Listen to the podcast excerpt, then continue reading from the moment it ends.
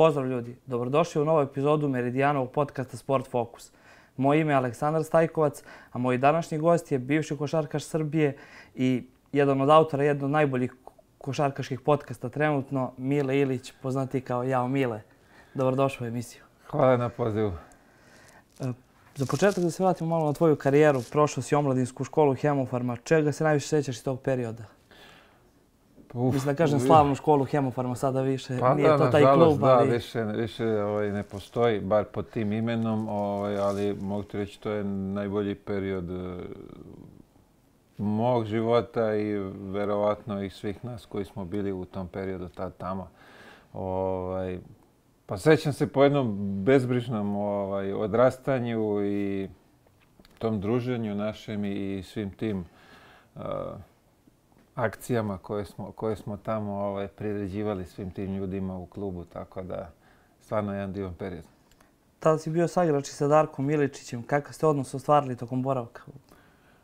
Dobro, mi smo se družili, da. Kontakt je ovaj, bio i posle kad smo se razišli u ovaj, kad je i otišao za Ameriku i posle svega toga u kontaktu smo i dan danas.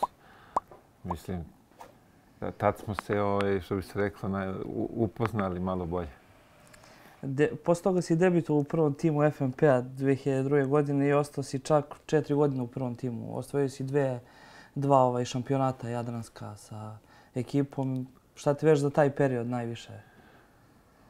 Pa i isto mogu kažem da je to jedna stvarno dobra, dobra atmosfera bila i lepo su me prihvatili. Ja sam došao tamo kao najmlađi, bilo nas je, sad slagaću koliko nas je, ovaj, eh, da kažem, početnika bilo u tom momentu sa, sa prvim timom, ali stvarno su me odlično prihvatili i to je onaj period koji pamtiš kada debituješ za prvu ekipu i kada daješ te neke prve poene i sve to, tako da je stvarno to ovaj, ostane ti u sećanju, ti lepi momenti. Naravno, osvojili smo dve, dve jadranske, eh, dva kupa, slagaću, ili da, dva kupa. 2010. No, u drugom 2000. nisam, u prvom nisam učestvovao, nisam bio u, da kažem, u sastavu, drugi sam učestvovao, tako da, ajde, ovaj, dve jadranske i kup Radova Kvaraća za, što bi se rekla, za, za, u toku mog mandata usput 2003. si debitovao i prvi put za prezentaciju. To je tad bila univerzitetska reprezentacija, koliko se sećam. Bili ste u Seulu na ovaj, u mediteranskim igrama ili tako, ili univerzijada. Univerzijada, da. Da, univerzijada, pardon. Da. Ovaj, bili ste u Seulu. Tad je, mislim, ne znam, najveći broj igrača pot, i, i, išao iz FNP-a uz, ja mislim, Marka Marinovića iz uh, Borca, tada iz Čačka, mislim. Uh, tako je, I ja mislim da je trener bio Vlade Đurović. Kako Vlade se sećate tog putovanja? A, to je bilo dogodovština. To, to je stvarno bilo možda neki kratki dokumentarni film da se ovaj napravi o tom putešestiju tamo. Ovaj, ali pre svega to je, ne znam ni, ni kako ni zašto, su oni odlučili da mi kao FNP nastupimo na toj e, univerzijadi tamo i bukvalno su nam se priključili e, Marinović i Bradović iz Čačka, znači bukvalno FNP ekipa plus njih dvojica iz Čačka. Čak i trener, da, Vlade Đurović je bio, mislim isto tad. Na... Tako je, da, on je bio tad naš trener, tako je. I ovaj, otišli smo tamo, ajde kažemo, ja se sećam samo te prve utakmice i sećam se tog finala, ovo ostalo je sve nekako se izgubilo Negdje u nekoj magli. pročitao prvo putovali ste, ne znam, nešto neviđen broj sati, ne znam, da, da, Londona, to je, mi smo išli Hong u London, pa smo tamo noćili, pa je tek, su, ne, nije ni sutradan, možda i dve, dve, dva noćenja smo imali u Londonu, pa smo onda tek putovali za Hong Kong, pa onda još jedno noćenje tamo i onda naravno ovaj, momena da se iskusi ta njihova hrana i to sve. Pa smo onda tek sutri dan krenuli za, za, za Seul, pa je to je... Trajalo je poprilično dugo. 12 sati se bukvalno pred početak turnira, ako, sam, ako, ne, ako se pa ne varam. Nismo ni 12, ne. Bukvalno ste stigli u Zeitnut s vremenom. Nismo, ja mislim, diče. čak ni 12. Možda smo stigli nekih, ajde kažemo, 8-10 sati pre početka utakmice u, u to u selu. Umeđu vremenu, tokom boravka u FP usledio je draft u NBA ligu. Iza tebe su ostali, ne znam, Marcin Gortat koji je ostavio veliki trag, Lou Williams. Da li su u kontaktu nekim od saigračima, na primjer Darko Milić, da li te on dočeka u Americi ili neko od uh, tvojih bivših saigrača s kojima si igrao ranije? Pa eto vidiš sad si na, na ovaj nabrao si uh, eh, Gortata tamo, ovaj, to je isto pokazatelj koliko na tom draftu nikad ovaj, ne mora da znači da, da su ti brojevi koji su izvučani da će ovaj, da, ajde kažemo, dokažu ta mesta sa kojih su izabrani. Evo, ja sam čist primjer da sam ovaj, da su i bolji čak igrači bili iza mene. Ali, dobro, da, družili... Bolje snašli, duše. Pa dobro, kako god, da, ali ono, gledaš na kraju šta si uradio tamo. Da. Ja, nažalost, nisam, ali eto, Martin je uradio, napravio je dobru karijeru i stvarno igra fantastično. A, šta smo pitao, da li me dočekao Darko? Da, da li točka pa, nekog bili smo, ovaj. da, mi smo, ovaj, se Darka tiče, bili u kontaktu tamo i družili smo se kad smo imali prilike, naravno, zbog, zbog naših putovanja i obaveza, ali ovaj, sa kontakt, u kontaktu slabo, da. Ne, mislim, nemaš tamo neki kontakt s njima, to sam bez puta rekao. To je klasičan profesionalizam, dođeš, odradiš, ideš kući, vratiš se, odradiš, ideš kući. Konstantno, znači samo da, trening. Da, da, nemaš, to je... Samo posao, radi. Da, da, da, to je bukvalno to što ima druženja, to je dok si u hali, na putu, na utakmici. To je sve. između srpskih igrača, ali su oni možda viđaju, do duše jesu to možda i drugi gradovi. Da, da, da, naravno, to je... Poslije nastupi za njihov razvojni tim. Kako ti je to iskustvo? Kakva je ta njihova razvojna liga? Svi, mislim, generalno, nismo baš dovoljno upućeni na kažem našim prostorima kako ta razvojna liga funkcioniše, kako je, kako je tamo igrati, da li je na kom je to nivou da kažem. Pazi, e, ja kad sam otišao tamo, to je bilo u samom začeću, možda da li to funkcionisalo godinu, da. godinu, dve pre mene. I ja kad sam otišao tamo u to, u, u tu ekipu, ja sam toliko ovaj, doživeo razočarenja neko i neko poniženje, tako da sam nemam nikakve lepe utiske odatle i tu sam se i povredio, tako da je to cela priča jedna onako mnogo, ajde kažemo, neka crna rupa karijera. Tokom nastupa za FNP 2006 dobio si poziv za Mundo Basket u Japanu. Kako je tvoje iskustvo s tog Mundo Basketa? I... Pa, pa i to Koliko opet... je teško, mislim, doći do tima. Kasnije, posle vidimo nisi prošao, na, prošao si širi spisak, ali posle nisi ušao u 12 igrača. Duši povreda je povukla svoja. Tako je, da. Godinu dana posle toga i povreda je glav, glavni razlog u suštini ovaj, zašto, zašto nisam bio de, teo od ekipe, ali u tom momentu... Na u Španiji, to 2007. Tako je, da. 2006, sad pričamo o 2006. Bukvalno je to su bili neki silni otkazi posle onog kraha u, u, ovde u Novom Sadu sa repstacijom, tako da pola njih nije, niko nije teo ni da igra. I opet, kao i ta univerzijada, nas, ne znam koliko, šest, sedam igrača je bilo iz FNP-a u, toj reprezentaciji. Tako da, mislim, stvarno čast je biti deo toga Dobro, i braniti. Dobro, ti godina FNP je stvarno dominirao, da kažem. Jeste, da, na, naravno, nema, nema greške. Da. Igrao, da. Ovaj, ali, hoću ti kažem da je čast biti deo, deo ovaj, tog tima i predstavljati svoju zemlju. Sad, druga je stvar što mi to svetsko prvenstvo uopšte nismo doživjeli. Ajde kažem, svetsko prvenstvo kao ko što očekuješ svetsko prvenstvo. Mi smo otišli u Japan, gdje je tamo pola hale podeljene zastavice, jedna vije za Argentinu, drugi za Srbiju. Nema te draži, nema... Nema emocije ne, kao kod nas, tako da je, znaš, da je to neka...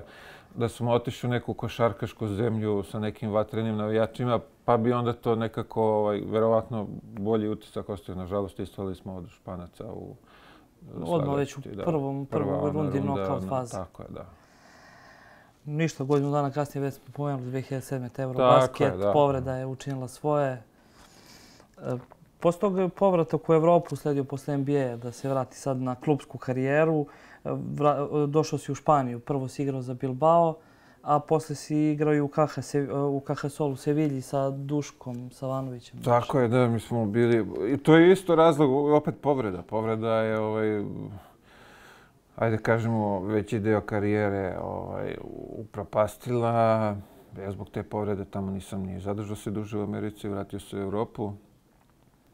Lečio se i taj period u Španiji isto je bilo po, pod nekim velikim bolovima i Ovaj, kažem, imao sam priliku i sreću da igram za, za Bilbao i za Sevilju, gdje je stvarno bila atmosfera sjajna i u jednom i u drugom klubu. U Sevilji sam, kako se zove, imao sa igrača Duška Savanovića, s kojim sam ono stvarno mnogo dobar prijatelj. Tako Bili ste u FNP-u zajedno, tako? Tako je, i FNP i sve to što smo prošli zajedno, posle i, to, i ta Španija. I... Kako sjećate te Španije, kako sjećate tog perioda, kakav je život u Španiji? Španija je fantastična, Španija je fantastična za život, za, za, za igru. A, ono, ako, ako se snađeš, najbolje moguće mjesto za, za košarku. Posle toga, zbog povrede, ste se vratili u Srbiju, do duše pa, napravili ste jednu kraću pauzu da bi zalečili povredu, pa, da ste, pa ste bili u metalcu Tako je, da, ja se tražio tu zbog te povrede. To je trajalo, trajalo je to, o, boga mi malo duži neki period, sad slagat ćete koliko tačno i onda zbog tih povreda. I posle ponovo sredio poziv od FNP-a. Nisi se Da, pa dobro, ja sam već bio u tom metalcu, metalcu, to je bilo ovaj, da... Da se oporavite povreda. Da se oporavimo i da dokažemo da je to i povreda ta i za mene i sve. I imao sam stvarno dobre ajde kažemo, brojke u tom momentu, ljudi iz FNP-a su vidjeli o čemu se radi. Posle toga to je vidio i Livković pa se pozvao na širi spisak koje je reprezentacija tada isto. Tako je, ovaj... da, bra, bra. Bilo je, pa, mislim, više puta se nešto tu poziva na te šire spiskove. 2000, opet. To je bilo 2011. isto, ja mislim da je Eurobasket u pitanju. Verovatno bolje ovaj, znaš Eurobasket podatke od mene. Eurobasket u pitanju bio, da, da i ovaj, posle, ne znam, na kraju valjda Veličković i ti si ispali ste sad s tog spiska. Ovaj. Te, ne mogu vidiš, ne, ne znam e, te detalje, ne znam. da, ne znam te detalje, ali kažete, bio sam pozivan i te godine i možda godinu posle ili dve godine posle, ne slagaću te. Ovaj, bio sam tu nešto kao... Kako je to trenutak igrača kad sazna da nije u 12 koji, na primjer, putu, evo sad videli smo, dosta se dešavali u našoj predstavci, sad ne znam, na primjer, dosta igrača nekih je otpalo sa spiska od kojih smo mi možda i očekivali da će Pešić da ih pozove u reprezentaciju. Pa vidi to stvarno, taj osjećaj je neprijatan, jer ti si tu s tim momcima, računaš da ćeš biti deo toga, negde u posvesti ovaj, maštaš o nekim lepim rezultatima, o nekoj ulozi i onda na kraju, kad ti saopšti, naravno, nije ti baš nešto ni prijatno, ali da. nećeš ni da plačeš, Bože zdravlja, idemo dalje, pa, pa bit će da, drugi možda, prilika, biće, da. možda, možda i ne bude, tako da, ovaj, ali no, evo, vidimo i sad ovde kroz, kroz ovu, aj kažemo, selekciju, što je normalno, ima određen broj, selektuje se, neko se uklapa, neko se ne uklapa, ko se ne uklapa ide kući i ovi nastavljaju dalje, to je normalno. Pa veliki si zvezdaš, prešao si postao u Crvenu zvezdu. Tako je. Kako je tvoj mišljenje, kako je tvoj utisak iz Crvene zvezde? Pa vidi, to je isto jedan od, od lepih momenta. Ima ona legendarna slika koja je nastala, koja je i dalje ovaj, na internetu stoji ovaj, u dresu futbalskog kluba na utakmici. Vi... Na severu, da. da pa dobro, to je bilo iz te 2000, leto 2007. mi se ilustracijom kad smo bili tad je to. To su bile kvalifikacije za Ligu šampiona. Ovaj, naravno, da. I onda su došli obučiti crveni dres, kako je bio tad osjećaj? E, pa bilo je fantastično, da. Bilo je fantastično i ovaj, Zvezda je veliki klub. Da kažemo, neki se neće složiti najveći ovdje na našim prostorima. Ovaj, bila je čast i privilegija biti deo tog Te tima, da kažem, u nekom momentu sam čak bio i kapitan ekipe, tako da je stvarno bilo ovaj, fantastično. Posle Crvene zvezde igrao se još Vojvodinu u Srbiju, a on, u Srbiji, a onda je ovaj, usledilo to, ne znam, turneja po, da kažem, Bliskom istoku i istočnoj Evropi. 11 klubova si promenio. Iz tog perioda šta možda izdvojiš kao nešto? Kakva je ta košarka u tim arapskim zemljama? Pa, pa dobro, jeste, da. Pa ajde kažemo, to je onako isto jedan bezbrižan deo ovaj, završetka karijere u tim zemljama kvalitet košarke tamo nije nešto za, za pohvaliti se, ali za život je stvarno fantastično i predlažem ko ima priliku da obiđe te delove sveta. Je, lepo je za, za videti i naučiti nešto o, o tim nacijama. Da li tamo ima dosta naših igrača koji su Pa pazi sad dosta. U raznim sportovima ima, ima, ima naših ovaj, ljudi tamo kao trenera, kao fizioterapeuta, kao eh, ajde kažemo, igrača ili ima nas, ima nas mnogo košarkaša nema jer mali je broj klubova, ne, nemaš ovaj toliki, ajde kažemo, Da kažemo, oni, ali opet ulažu oni u sport, u suštini. Ulažu oni u sport, ali to je daleko od nekog nivoa ovde europske košarke ili, ili šta već. Ali ulažu, trude se, stalo im je do toga. Kažem, daleko je od, od nivoa ovde našeg, ali opet, lepo je, lepo je, proveo sam tamo sa 4-5 godina i stvarno je bilo prelepo. Od tih država koje bi možda izdvojio kao najbolju Pa Emirati su, Emirati su fantastični, Bahrein je isto prelep, malo ostrvce, ovaj, ko prati formulu zna za da. Bahrein i... Jesi možda imao priliku da gledaš formulu? Ja sam, naravno, pa to je, to je tamo, ovaj, ta, taj dan se sve zaustavlja u Bahreinu sve, i posvećen je tome da je, ceo, svet, ceo svet gleda, tako da to je fešta po završetku karijera, ovaj, to jest sada skoro si odlučio da ovaj pokreneš podcast Jao Mijele, košarkaški podcast koji baš raste iz dan u dan, da kažem, iz emisiju u emisiju, sa puno zanimljivih gostiju i sve. Kako si došao na ideju, doduše znam da si imao i pre toga košarkaški portal, ako se ne varam. Tako je. Kako si došao na ideju da pokreneš podcast? Pa pre svega, to je bio ovaj moment posle karijere kad ne znaš šta ćeš da radiš, u čemu ćeš da se pronađeš i onda u to vreme korone, šta drugo da radiš, sediš kući i gledaš tako neke stvari i onda sam između ostalog naišao na te podcaste, video kako funkcioniše. I onda je sad tu bilo kolebanje da li sam ja za to, kako, kako bi se ja snašao ispred kamere. Potrajalo je isto, to je trajalo par mjeseci dok nisam prelomio, ajde da probamo da vidimo kako će da, kako će da izgleda, pa ako bude dobro idemo dalje, ako ne bude, bože moj. Ali evo, Već sad se vidi već. Pa dobro sad, da, opet početak je to, tek si ovaj, mislim, peti mjesec tek ovaj, da, da sam u tome. Za sad sam zadovoljan, lepo, lepo ovaj, napreduje i kanal i sve te ostale društvene mreže. Kao što si rekao, ima tu zanimljivih gostiju i Tako zanimljivih priča. Svako ima... Preporučujem ovaj... svako naravno da pogleda ovaj. Naravno, da, da, ovaj, obavezno. Koga interesuje košarka svakako. Pa dobro, što, ajde što, košarka, tu imaš raznih tema koji možeš da, da, da čuješ, možda ti koristi u životu, u tvom biznisu, šta god, jer su zanimljivi saveti, da vidiš kako su ti uspešni ljudi ovaj, nastavili dalje posle radili karijere, neke stvari da. kroz svoju karijeru i stvarno može da se nauči. Svaka epizoda je, što bih rekla, uvijek su pitanja su malo ne ista, ali su odgovori uvijek različiti. Svako Tako ima drugačije iskustvo, životno, profesionalno, sportsko, šta već, nebitno. I, svak, i svake epizode možeš nešto da, da, da, da kažem, naučiš i možda primeniš u, u svom sportu ili biznisu ili životu, kako god. Da li je možda bilo nekih ono pitanja malo, da kažeš kakljivih pitanja koje nisu ušla u program? Koje ne, ne, ne, nema, ne, ne sečemo uopšte ništa. Sve, da. Nemamo, ne izbacujemo. Ovaj, bukvalno, evo, koliko smo sad odradili ovaj, epizode, ništa nismo isekli ni iz jedne, tako da sve ide svojim tokom prirodno. Pa Tako je, da. Mislim, ne želim sada da pravim neku žutu Naravno, štampu da. od toga ili skandale, prosto... Čisto ono priča sportska. Sportska priča, da čujemo kako su... Kako su drugi iskustva drugih sportista. Tako je, tako je. Nema potrebe da, da bilo što... Da pređemo malo na aktualne teme. Ovaj, počinje Eurobasket. Kako su tvoje očekivanja od naše reprezentacije? Pa kao i uvek očekivanja su ovaj, maksimalno ajde kažemo, za, za, za medalju, za zlato. Mi drugačije ništa ne znamo ni da očekujemo. Sada smo, mislim, ne znam, i po... Mislim da smo prvi favoriti za osvajanje. Evo, da, nešto vidio sam da i kad su pre juče prekče kad su izbacili ovaj, tu rang listu. Uh,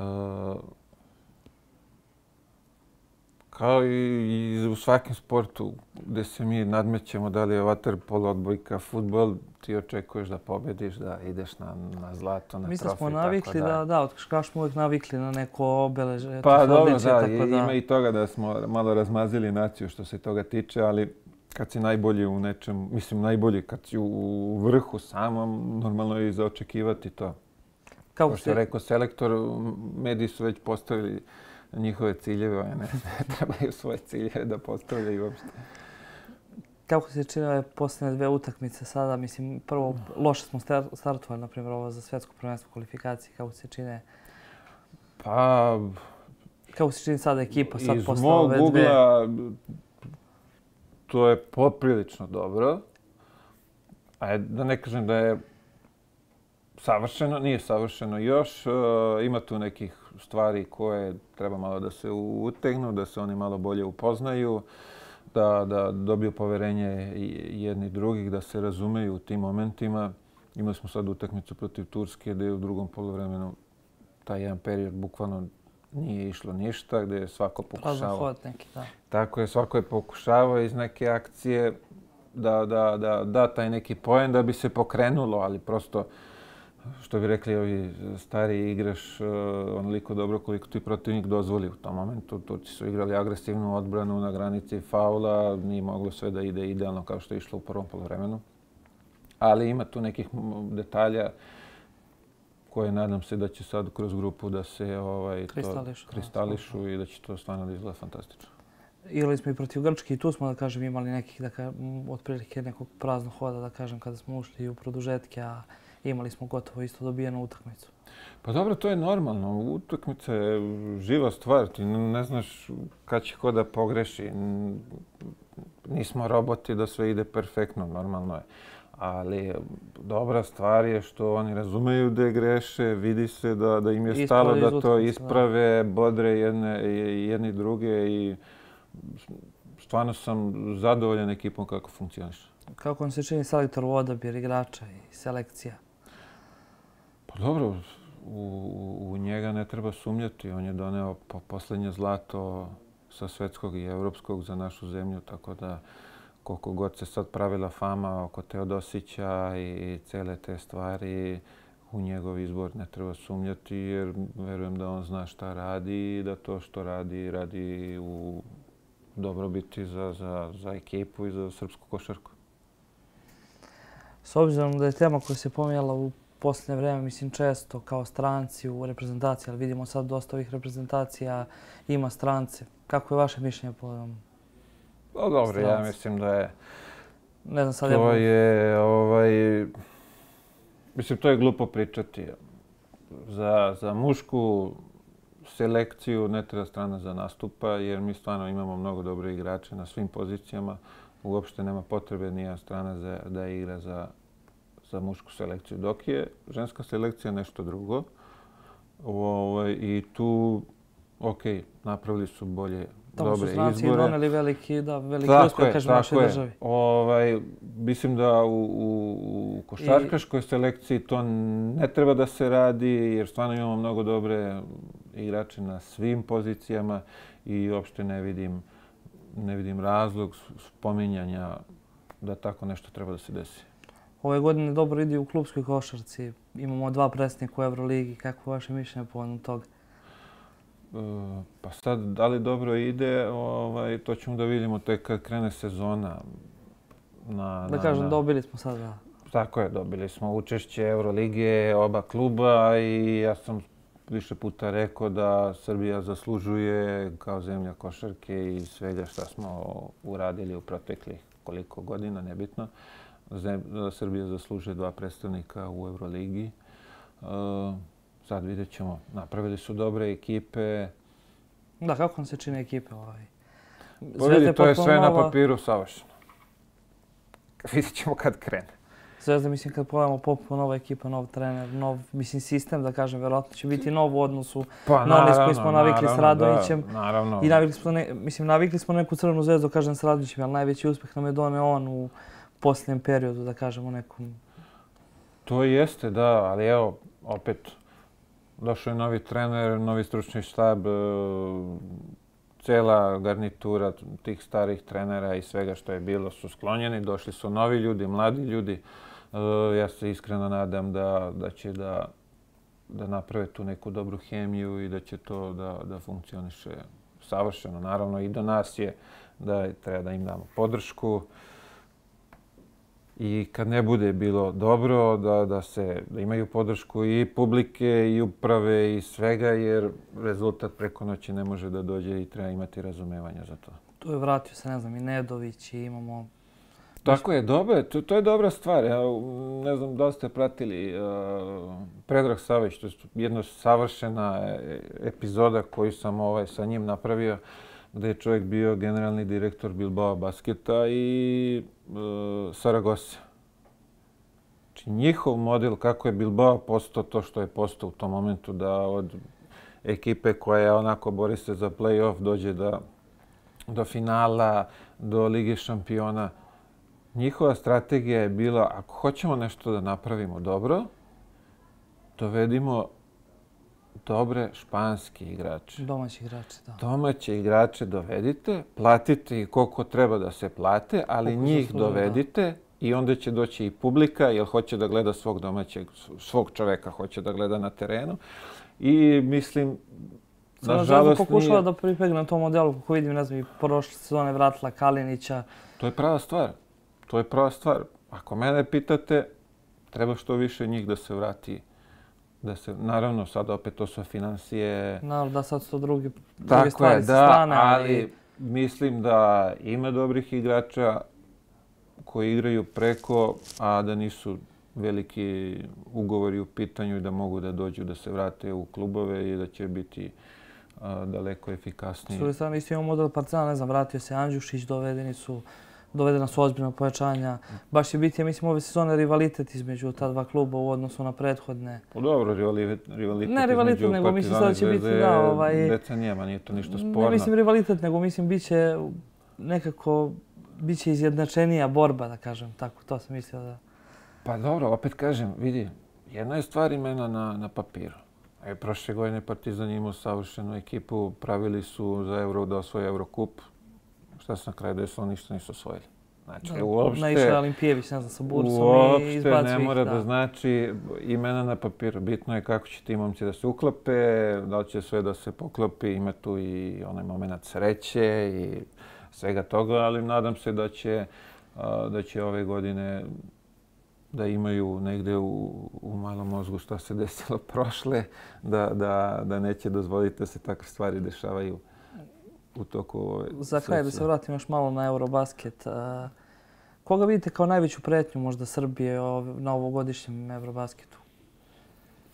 Pa iskreno, moje mišljenje, aj sad kažemo pretnju, moje mišljenje... Da kažem najvećeg rivala koji mislim... Pa ima ih više, ima ih više i sad ja sigurno mislim da tu ima jedno četiri do pet ekipa koji su konkurentni za za trofej, između ostalog e, Slovenija, Turska, e, Francuska, Grčka i mi, aj kažemo i Litvanija. Španija nešto ove godine, ne znam. Ja mislim da, da, oni su ovim, u ovom sastavu, mislim da nisu, Neka ovaj, ali ne treba ih nikada. Mislim, Rudi Fernandez je, kažem, prva zvezda, opet tu su Naravno, ne treba ih otpisati, ali to je nekih pet ekipa. Evo i oni sad kad pogledamo i Španci imaju stranca, ovaj Lorenzo Brown, playmaker Crvene zvezde, sad Tako. igraće za... Pa pričamo o zemlji koja ima ne znam koliko miliona stanovnika. I jedno od velikih košakaških sila, da kažemo, što je... Tako je, u posljednjih, oni su obeležili, sa, u posljednjih, koliko, 15 godina, Španija je obeležila da, veliki, evropsku i svetsku košarku. Oni su tu non stop finale, finale. I sad se desilo da su Njihova oni... dominacija je krenula možda 2000, tako 2000 godina, kad 2006. mislim pa to ja mislim baš, ono, baš... Ja mislim to je baš uh, protiv nas u, u Japanu, da su oni od tada i krenuli. Je, oni su tada igrali finale i od tada, od tada je cijelo... Ovaj, Crvena furija krenula. Tako je, da.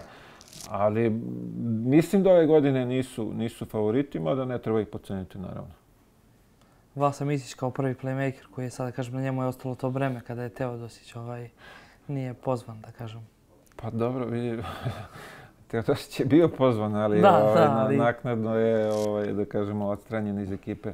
Ali uh, pričamo o čovjeku koji je dvije godine za redom MVP Eurolike. Mislim da je to stvarno dovoljno i mislim da je i on u godinama kada je sazreo da, da može da se nosi sa tim baš delo je dobro i ta, moćno kad se čuje tandem, ono dva MVP-a, Micić i Jokić. Ali ne to MVP-a, to su dve godine za redom, obojica su... Da, u, da, tako, u najjačim ligama, da kažem, u Euroligi. U... I imali smo sad priliku ovde u areni da vidimo Janisa, s druge strane, četiri godine Nikola i Janis su MVP Znači, dva evropska, dva evropska igrača. U Americi, tako da stvarno ovaj, mislim da će evropsko prvenstvo bude fantastično i neizvesno. Dobro, i te grupe možda će biti nekih lakih utakmica, ali nisam siguran da će baš sve da budu lake. Ali vjerujete da možemo možda do medalje sa... No, pa, mi smo Srbija, kako drugačije. Šta, o čemu drugom da razmišljamo nego da razmišljamo o zlatu? To je, to je naše očekivanje. Da li smo realni u tome, to sad. Mislim, uvijek tako taj veliki je hype kad dođu tako ta velika takmičenja da se osvoji medalja, pa je malo i mislim, da kažemo i taj četvrto mjesto i treće mjesto je veliki uspjeh, a nekako uvijek dođe razočarenje našeg naroda. A to je to, zato što smo mi 90-ih nosto bili prvi, u ono par godina koliko je to trajalo od 95. do 2001. ti si malte ne nosto prvi. Prvak, da. I posle toga kreće ono malo turbulentno, evo 20 godina. Ovaj, ti ne vidiš zlato i naravno da si razočaran. Mislim, željen je narod da kaže sa zlatom. Naravno, mi smo željni, evo, 2001. smo željni zlata i mi smo tu tih finala odigrali, polufinala, šta već. Veliki broj, da. Tako je. Mi smo navikli na, na to, želimo to i očekujemo od naših igrača jer mislimo da su najbolji. Možda, u, ajde, možda nisu najbolji, ali mi ih vidimo da su najbolji i doživljamo ih tako da su najbolji. Tako da, da li sad neku veliku, veliki pritisak stavljamo na njih, to je opet, o tome isto možemo polemisati, ali mislim da su oni mnogo ovaj, ozbiljni profesionalci da to ne bi trebalo da utiče na njih. Ništa nam ostaje samo da navijamo za našu reprezentaciju. Naravno, ovaj. pa evo kako. Tebi hvala što si bio moj gost. Hvala na pozivu. A mi se vidimo u sljedećoj epizodi. Prijatan dan.